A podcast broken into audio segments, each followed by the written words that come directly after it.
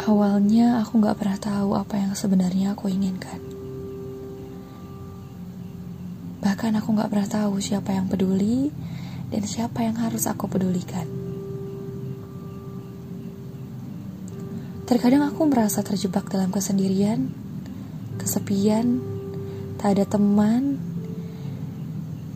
dan hanya menceritakan keluh kesah lewat tulisan yang aku simpan sendiri. Seringkali aku merasa bingung apa yang salah dalam diri ini. Apa sengaja aku menutup diri, atau memang sudah sejatinya aku yang tak bisa membuka diri untuk siapa pun.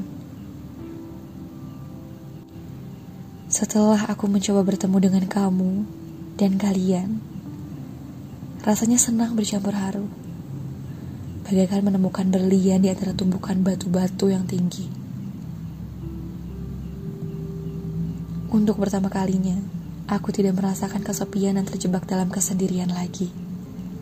Dan aku sadar, yang aku butuhkan hanyalah kamu dan kalian, tempat aku berbagi cerita. Aku hanya membutuhkan pendengar yang baik, agar setidaknya hatiku terasa lega dan tak ada lagi yang aku pendam sendiri. Aku berharap Semoga kamu dan kalian selalu ada dan tak pernah bosan dengan semua ceritaku.